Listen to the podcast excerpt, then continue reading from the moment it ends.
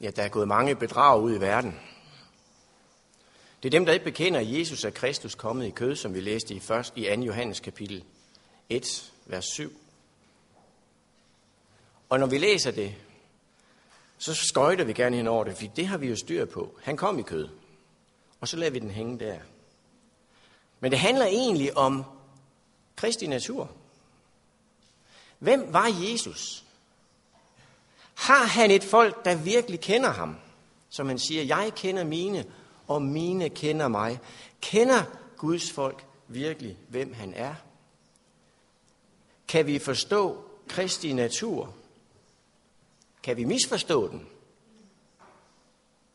Jeg har det med at tage emner op, når jeg hører ting, som gør, at folk har ikke fået en mulighed for at vælge. Når jeg hører noget, som siger, at det her, det er vist ikke det, som Bibelen siger, så tænker jeg, det må vi studere lidt nærmere. Så det, jeg gerne vil tale om nu, det er Kristi natur. Og så vil jeg gerne stille spørgsmålet, fordi det er her, jeg hører ting, som skuer lidt en gang imellem. Kom han med Adams natur før Adams fald? Eller kom han med Adams natur efter, at Adam havde syndet og havde en syndig natur? Eller, som de fleste vel egentlig vil sige, har det nogen betydning? Har det nogen betydning? Det kan da være ligegyldigt at vide om det. Det har da ikke konsekvens for min tro. Men Kristus er fundamentet i min tro. Og mit syn på Kristus har betydning for, om jeg kender ham, og han kender mig. Og nu skal du få lov at se, hvordan man kan have flere syn på, hvem Kristus egentlig var. Men det er et emne, hvor jeg vil bruge Ellen White rigtig meget. Jeg tror på, at hun kender sin Bibel. Jeg er overbevist om, at hun var ledet af Guds ånd. Og hun siger nogle ting, som jeg gerne vil komme op. Der er noget, vi skal være yderst forsigtige med her, når vi slynger noget ud om Kristi natur. Yderst forsigtige. For vi kan meget let misinformere. Og den misinformation fører mennesker til at leve forkert, uden de ved det. Hun siger, jeg tror, det er farligt at nærme sig emner, som omhandler den almægtige Guds søns menneskelighed. Han ydmygede sig selv, da han var i menneskelig skikkelse, for at kunne forstå styrken i alle de fristelser, mennesket udsættes for. Undgå et hvert spørgsmål angående Kristi menneskelighed, som kunne misforstås. Som kunne misforstås.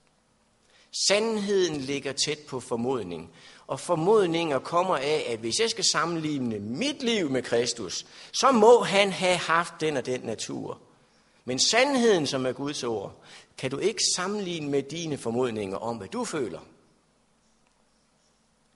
I omtale af Kristi menneskelighed må du være omhyggelig på vagt ved enhver udtalelse, for at dine ord ikke skal blive udlagt til at betyde mere, end de siger, så du på denne måde slører den rette forståelse af hans menneskelighed forenet med guddommelighed. Og det er her, jeg ønsker at være forsigtig, og jeg har ikke så meget at sige. Derfor holder jeg mig til mange citater, som Ellen White kommer med, fordi hun maner til forsigtighed, og derfor tør jeg kun holde mig til Bibelen og hvad hun siger, og kommentere ud fra det. Tanker og åbenbaring side 244, siger hun videre. Vær yderst forsigtig med, hvorledes du betragter Kristi menneskelige natur. Fremstil ham ikke som et menneske med tilbøjelighed til at synde. Han er den anden Adam.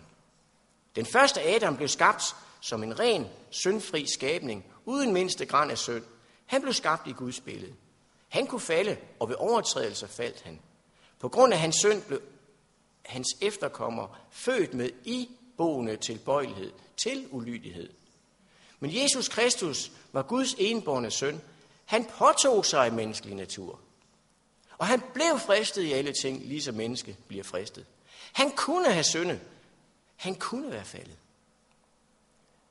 Men ikke et øjeblik fandtes nogen tilbøjelighed til ondt i ham. Så vi skal vise forsigtighed, når vi ser på, hvordan Kristus var. Hvorfor kom Jesus? Faktisk, når jeg læser min Bibel, og læser, som jeg har taget op igen og igen, Ezekiel kapitel 36 fra vers 22 og ned efter. Jeg vil ikke citere det, men det er, hvor Gud bliver angrebet, fordi han ikke er retfærdig, men at han vil vise sin retfærdighed ved at lægge loven i vores hjerter. Så Jesus kom for at modbevise det angreb og de løgne, Satan sætter op om Gud og om Guds lov. Satan anklager faktisk, når du læser Bibelen, Gud for ikke at være retfærdig. Og hvis vi tager Science of the Times, volume 3, side 264, der skriver Ellen White, Satan erklærede, at det var umuligt for Adrams sønner og døtre at holde Guds lov. Så hvis du og jeg ikke kan holde Guds lov, så er der noget galt med ham, som har givet den her lov. Helt klart. Hvis han giver dig en lov, du ved, du ikke kan holde, så er det ikke dig, der er problemet, men den, der giver loven. Og satans påstand her er, det er umuligt for mennesker, der er faldet, at holde Guds lov. Så hvorfor kom Jesus til verden? I Johannes kapitel 8, vers 26, siger Jesus, meget kan jeg sige om jer, dømme jer for, men han, som har sendt mig, er sandro, og det, jeg har hørt af ham, taler jeg om til verden. Så Jesus kom for at vise, at Gud er sand, Gud er retfærdig, Gud er ikke der, hvor han længere bør være under anklage.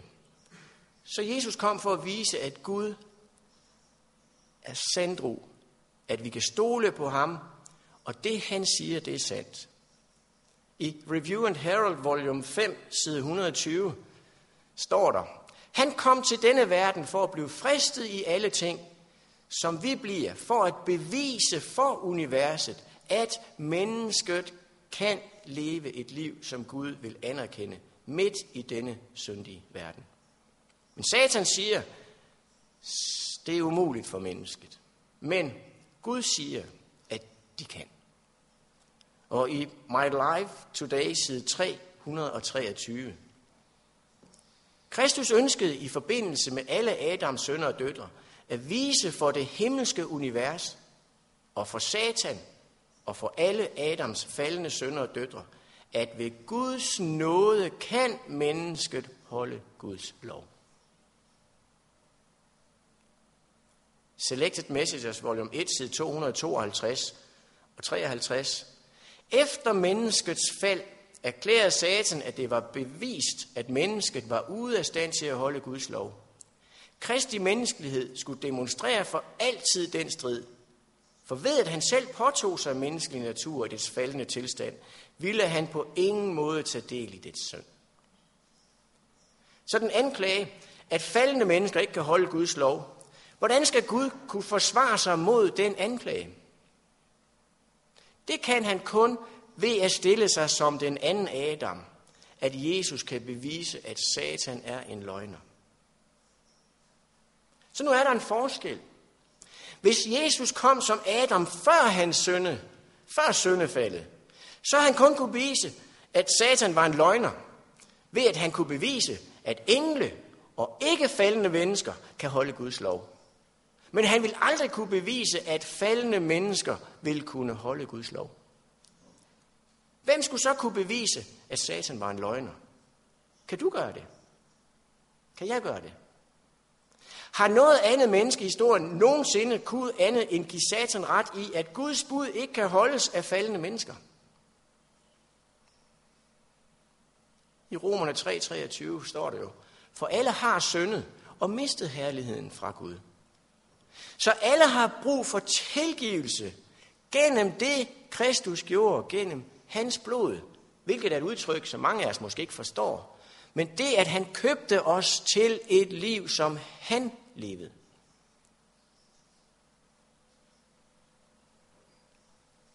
Så hvis det er sandt, at Jesus kom i Adams tilstand, før han faldt, hvem skal så kunne bevise, at Satan lyver, når han siger, at et faldet menneske ikke er i stand til at adlyde Guds lov?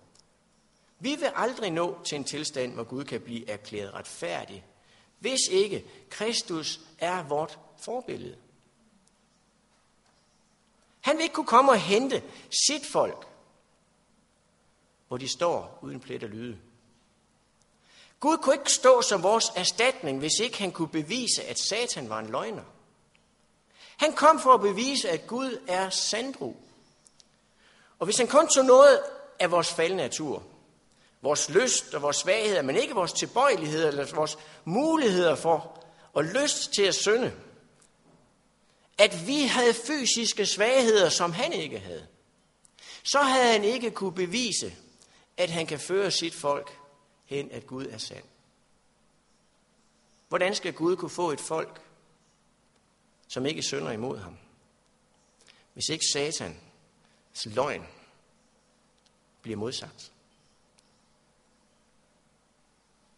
Der er ingen i verden, som kun har den ene halvdel af syndens konsekvens. Vi har alle hele pakken. Og Jesus var nødt til at tage hele pakken, fordi han skulle både være min stedfortræder, han skulle også være mit eksempel.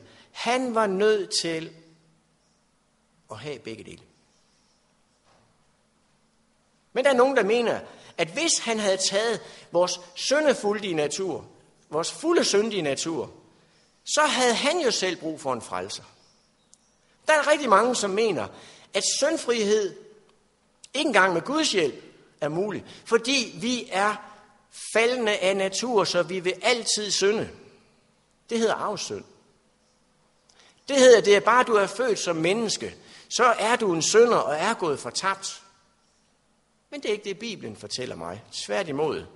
Jeg er skrevet ind i den bog, livets bog. Men hvis jeg vælger mig ud af den, bliver jeg slettet fra den. Hvis du tror, at jamen, vi er fortabte fra vi er født, så er det klart, at Jesus var nødt til at have en anden natur. Så kom han ikke, som vi læste, i syndig kødskikkelse. Det at tro, at Jesus ikke havde vores natur, at den synd, som kom ind om, hvem han var, rigtig tidligt ved Augustin. Han kom med den, fordi han ud fra menneskets syn så på verden og sagde, der er jo ikke nogen, der kan leve op til det her. Ergo, ud fra mit syn, kunne Jesus ikke være kommet som en af os. Fordi vi har det, der hedder arvesynd. Og den ligger dybt i os, uden vi vil indrømme det. Det er ikke fordi, vi tror, vi har det, men vi lever det, som om vi har det, mange af os. Men hvis vi tror, at synd altid er viljens valg, så kan vi forstå, hvad der var Kristi opgave. Han kom for at bevise, at Guds lov kunne holdes af faldende mennesker. Og det kunne han altså kun ved at tage vores natur og vise, at Guds lov var god, perfekt, hellig, retfærdig, elskelig og rigtig. Og enhver, som overgav sig til Guds kraft og autoritet, ville blive i stand til at sige, nej, hvor jeg elsker din lov, Hele dagen er den i mine tanker. Og det er det salme 119 fra vers 97 fortæller. Og nu vil jeg gerne prøve at finde ud af, hvad bliver der sagt om Jesus, når Ellen White skriver om, at vi skal være forsigtige? Hun kommer med ting, som Jesus havde brug for, som vi også har brug for. Der står i tanker over åbenbaringen side 243. Jesus Kristus er vort eksempel i alle ting. Han blev fristet af alle ting, ligesom vi bliver det. Og dog gav han aldrig på nogen måde efter for fristelsen til at gøre noget ondt.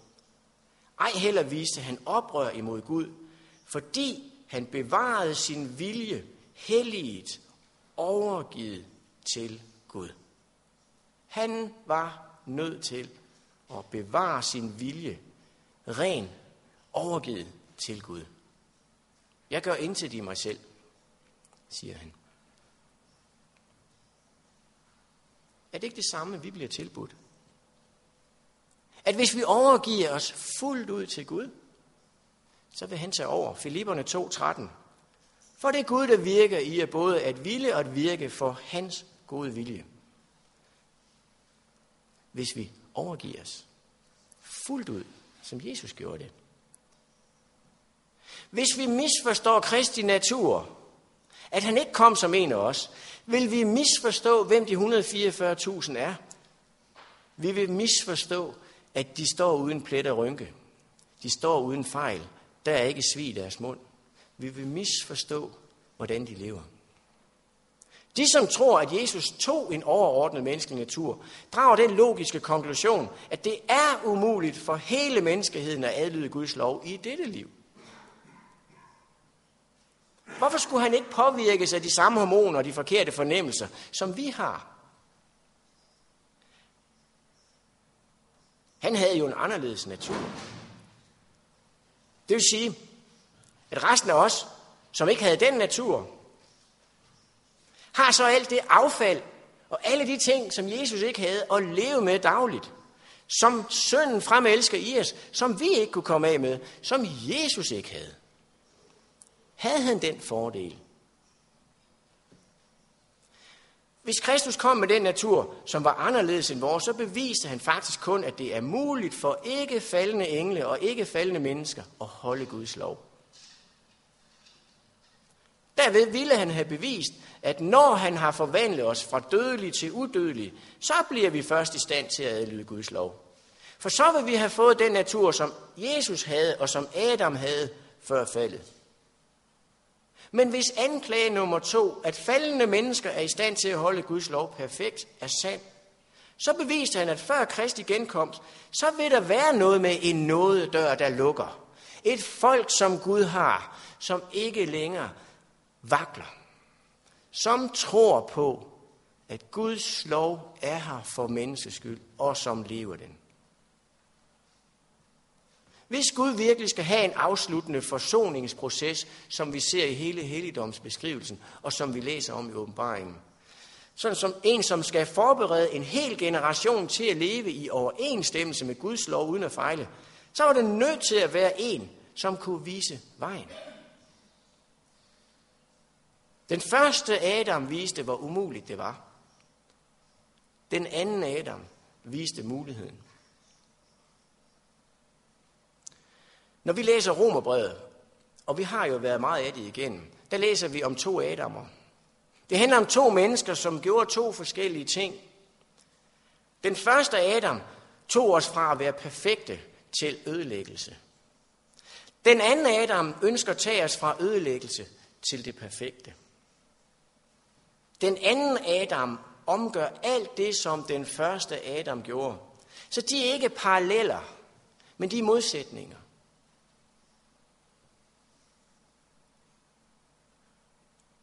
Det er det ifølge romerbrevet. Og derfor bliver romerbrevet svært at forstå, hvis vi sætter Kristi natur på den forkerte hylde. Jesus gjorde det, som Gud ønsker at vise.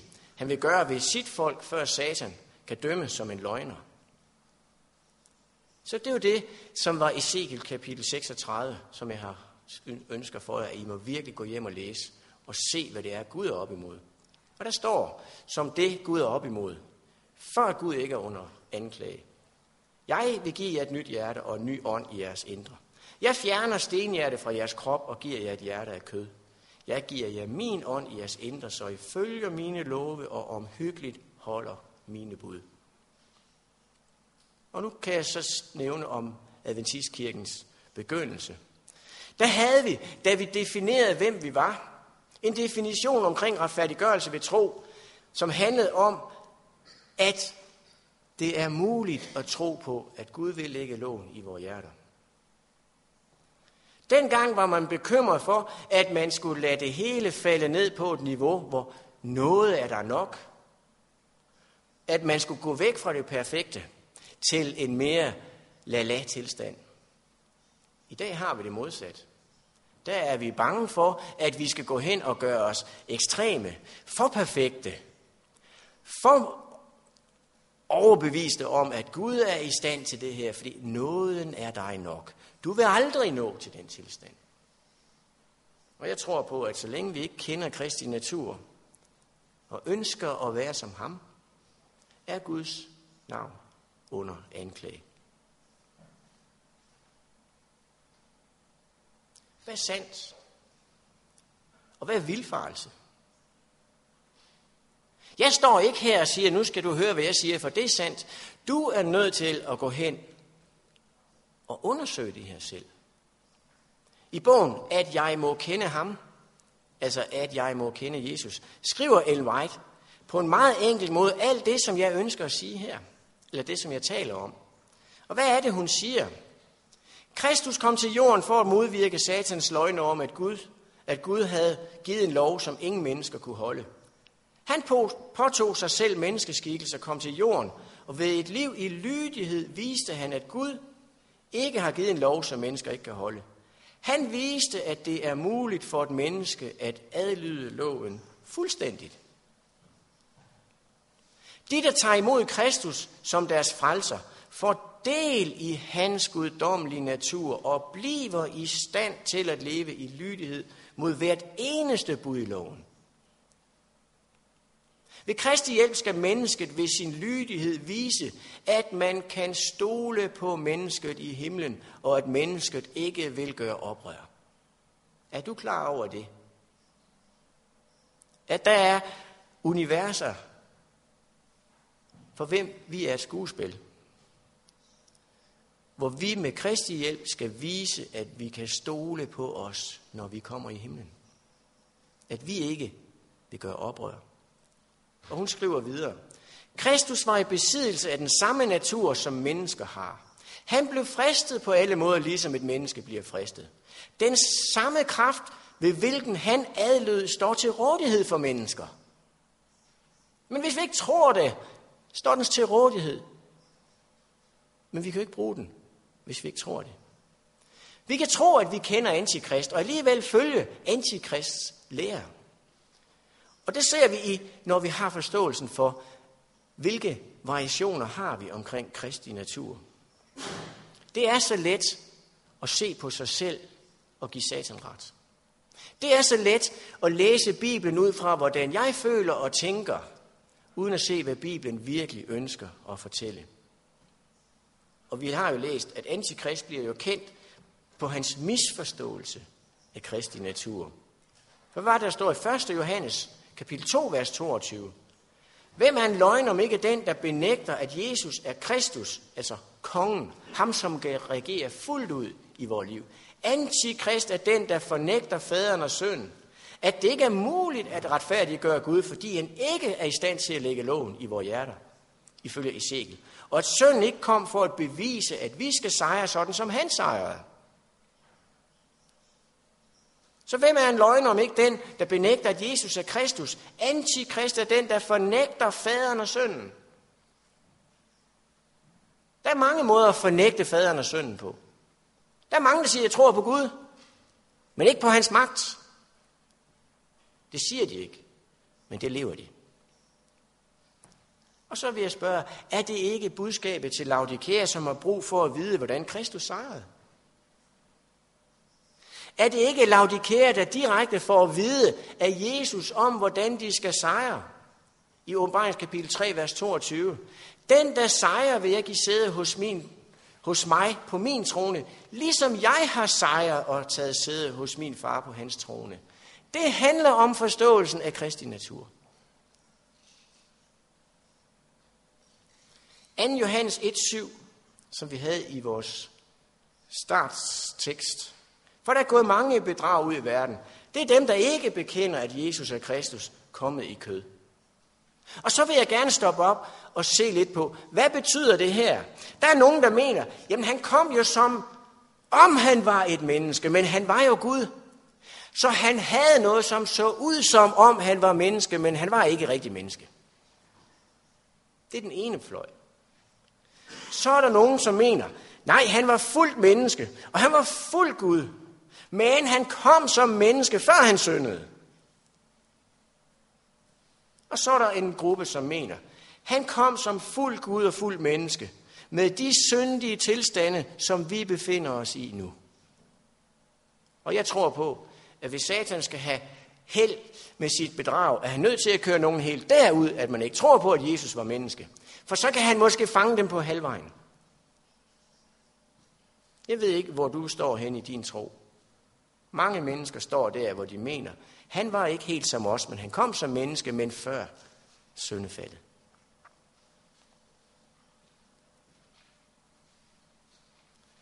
Rigtig mange har problemer med det, fordi ordet kød i Bibelen ikke rigtig vil tages, hvad det er, når der står om Kristus, at han kom i menneskeligt kød. Fordi kødet i Bibelen har altid været mennesker med en frafalden natur. Johannes 1,14. Og ordet blev kød og tog bolig blandt os, og vi så hans herlighed. En herlighed, som den eneborne har, den fra faderen, fuld af noget og sandhed. En herlighed, som den enborne ikke viste i sig selv. Fordi han tog vores syndige kød på sig.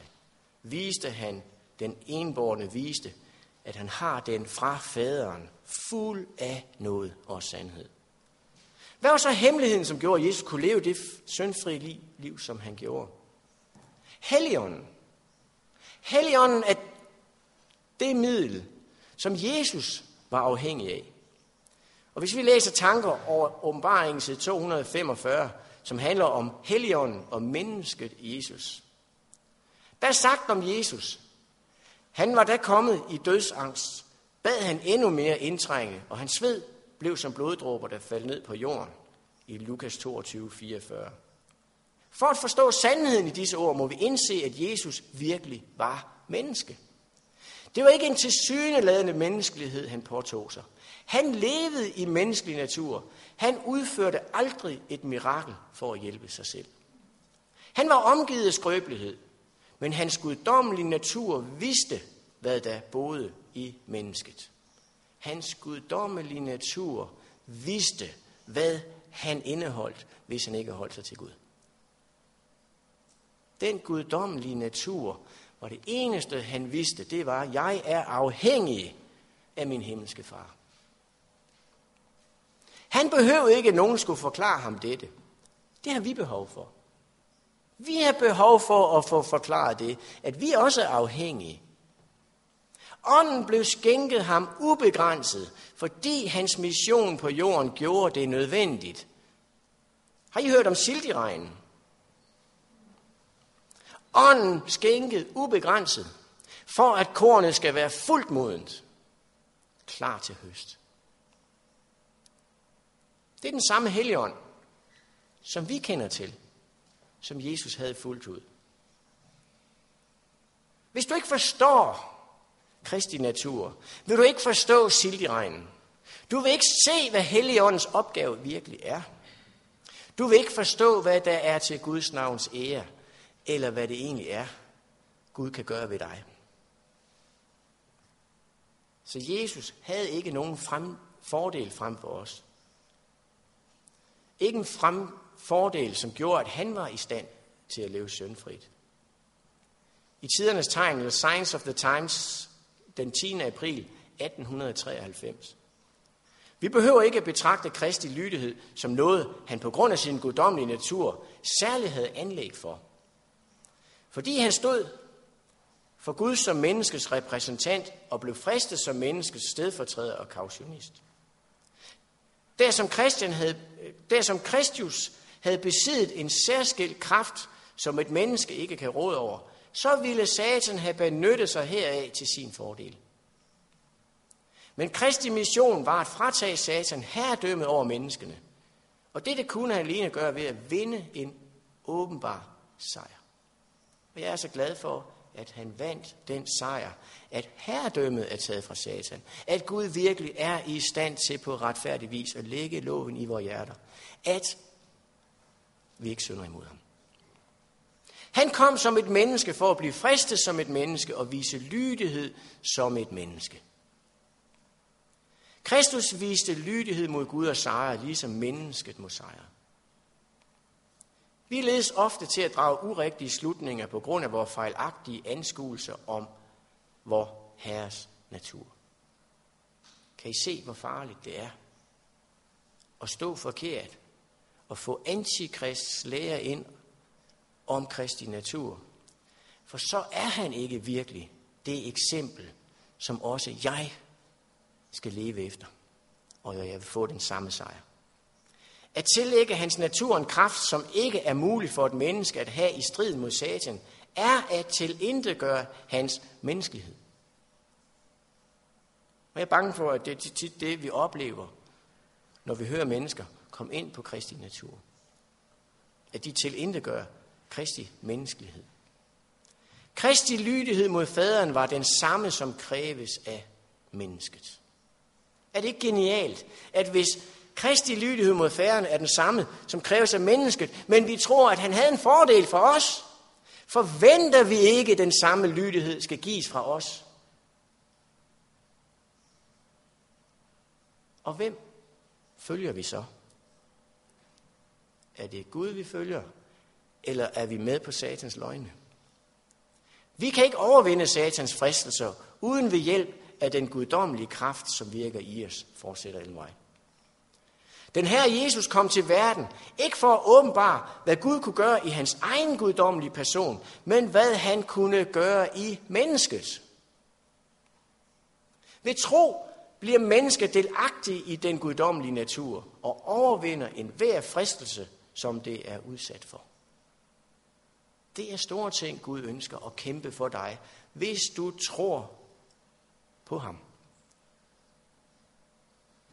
Alt dette er en konklusion på Kristi natur. Hvordan skal vi stå for det? Ser jeg ting her, som viser, det der, det tør jeg ikke tro på, så ved du, hvilken kristi natur du bygger på. Var den som Adams før syndefaldet, eller som menneskes efter syndefaldet? Det lyder som ligegyldigt, men den konklusion, du må komme til ubevidst, at vi Jesus kom som Adams med Adams natur, før han syndede. Hvor meget kan han så være dit eksempel? Han kunne vise, at ikke faldende mennesker kunne holde Guds lov. Det vil sige, hvis Kristi natur var som Adams før faldet, og han kom som vort eksempel, så kom Jesus ikke til verden, ikke for at vise, hvad han kunne gøre i et menneske uden sin guddommelige kraft. Han beviste ikke, at mennesket kan leve et liv, som Gud vil anerkende. Han viste ikke, at ved hans nåde kan mennesket holde Guds lov. Satan erklærede, at mennesket er ude af stand til at holde Guds lov, og Kristi menneskelighed kunne ikke vise, at det er muligt. Ånden blev ikke skænket ham ubegrænset, fordi han havde den selv. Havde Kristus en kraft, som et menneske ikke kan råde over, ville det give ham en anderledes menneskelighed. Og selv ved Kristi hjælp kan mennesket ikke vise, at man kan stole på mennesket i himlen. Kristus viste altså ikke lydighed mod Gud og sejr for, at mennesket må sejre sådan, som han gjorde. Og Kristi lydighed mod faderen var ikke den samme, som kræves af mennesket. Det har stor betydning, om du kender Kristi natur. Fordi det har indflydelse på dit liv. Det har indflydelse på, hvilke behov du har. Hvad har du brug for, for at tro på, at Kristus virkelig kan leve i dig? Men jeg tror, at Jesu liv viser os, at han kom som en af os. Han sejrede sådan, som vi skal sejre, og vi tilbydes det liv, han levede, fordi vi forbliver i hans ord.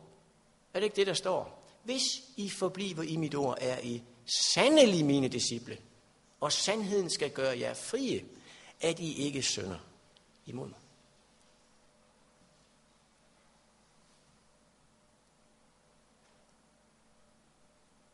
Hvis vi ser på kristen natur som Adams førfalde, eller vi ser på den som Adams efterfaldes, har det stor betydning på, hvordan du læser din Bibel. Vi vil forstå disse her skriftsteder på to forskellige måder. Eller også vil vi måske slet ikke forstå dem. 1. Johannes 5, 18. Vi ved, at enhver, som er født af Gud, ikke synder, men han, som selv blev født af Gud, bevarer ham, og den onde kan ikke røre ham. Vi vil måske heller ikke forstå 1. Johannes 3, 9, 10. En hver, som er født af Gud, gør ikke synd, for Guds sæd bliver i ham, og han kan ikke synde, fordi han er født af Gud. Derved bliver det åbenbart, hvem der er Guds børn, og hvem der er djævelens børn. En hver, som ikke gør retfærdighed, er ikke af Gud lige så lidt som den, der ikke elsker sin bror. Kristi natur. 1. Johannes kapitel 4, vers 2. Derpå kan I kende Guds ånd. En hver ånd, som bekender, at Jesus er Kristus kommet i kød, er af Gud. For der er gået mange bedrag ud i verden. 2. Johannes 1.7 tager jeg igen. Det er dem, der bekender, at Jesus er kommet. Det er dem, der ikke bekender, at Jesus er Kristus kommet i kød. Det er bedrageren og antikrist. Og husk, bedrag, det er en sandhed, man tror på, som viser sig at være løgn. Det er problemet ved at være bedraget. Man ved ikke, man er bedraget.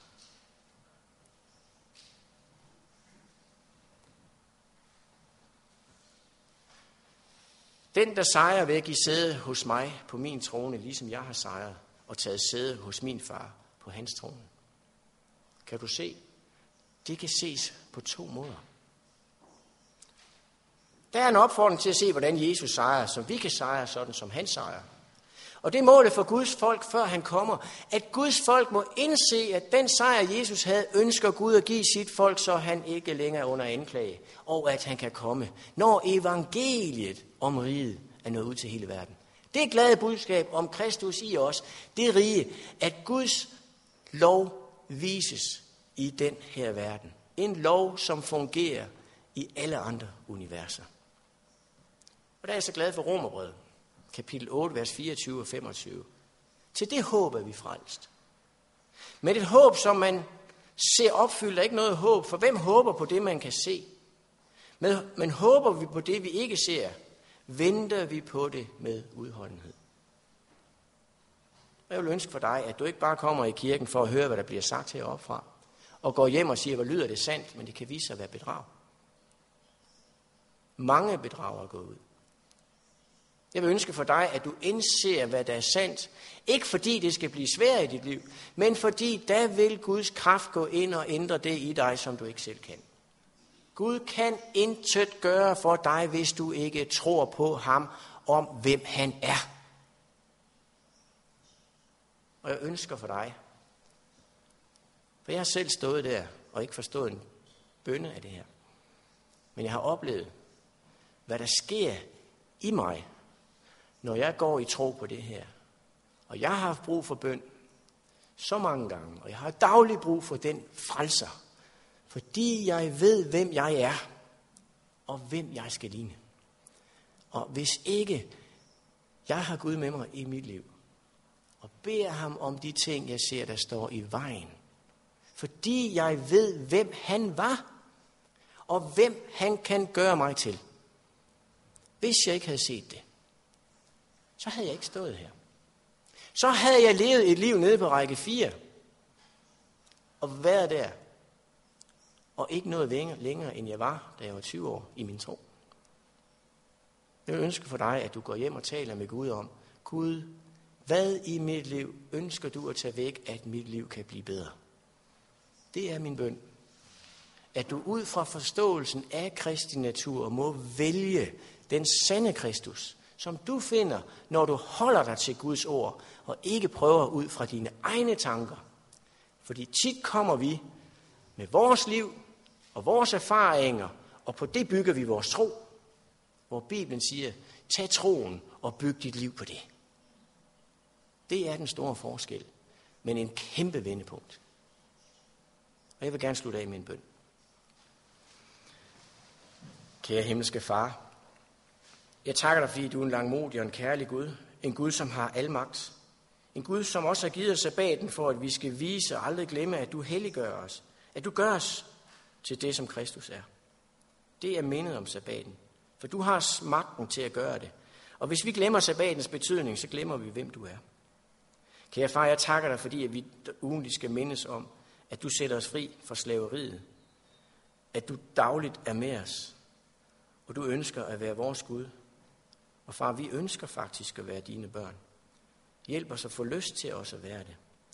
Kære far, jeg lægger alt i dine hænder i tillid til, at din ånd, som vejleder Kristus, også kan vejlede os. Tak fordi der kun er én ånd, og den er fra dig. Hjælp os at søge dig i dit ord. Og lad os blive påvirket af din helligånd.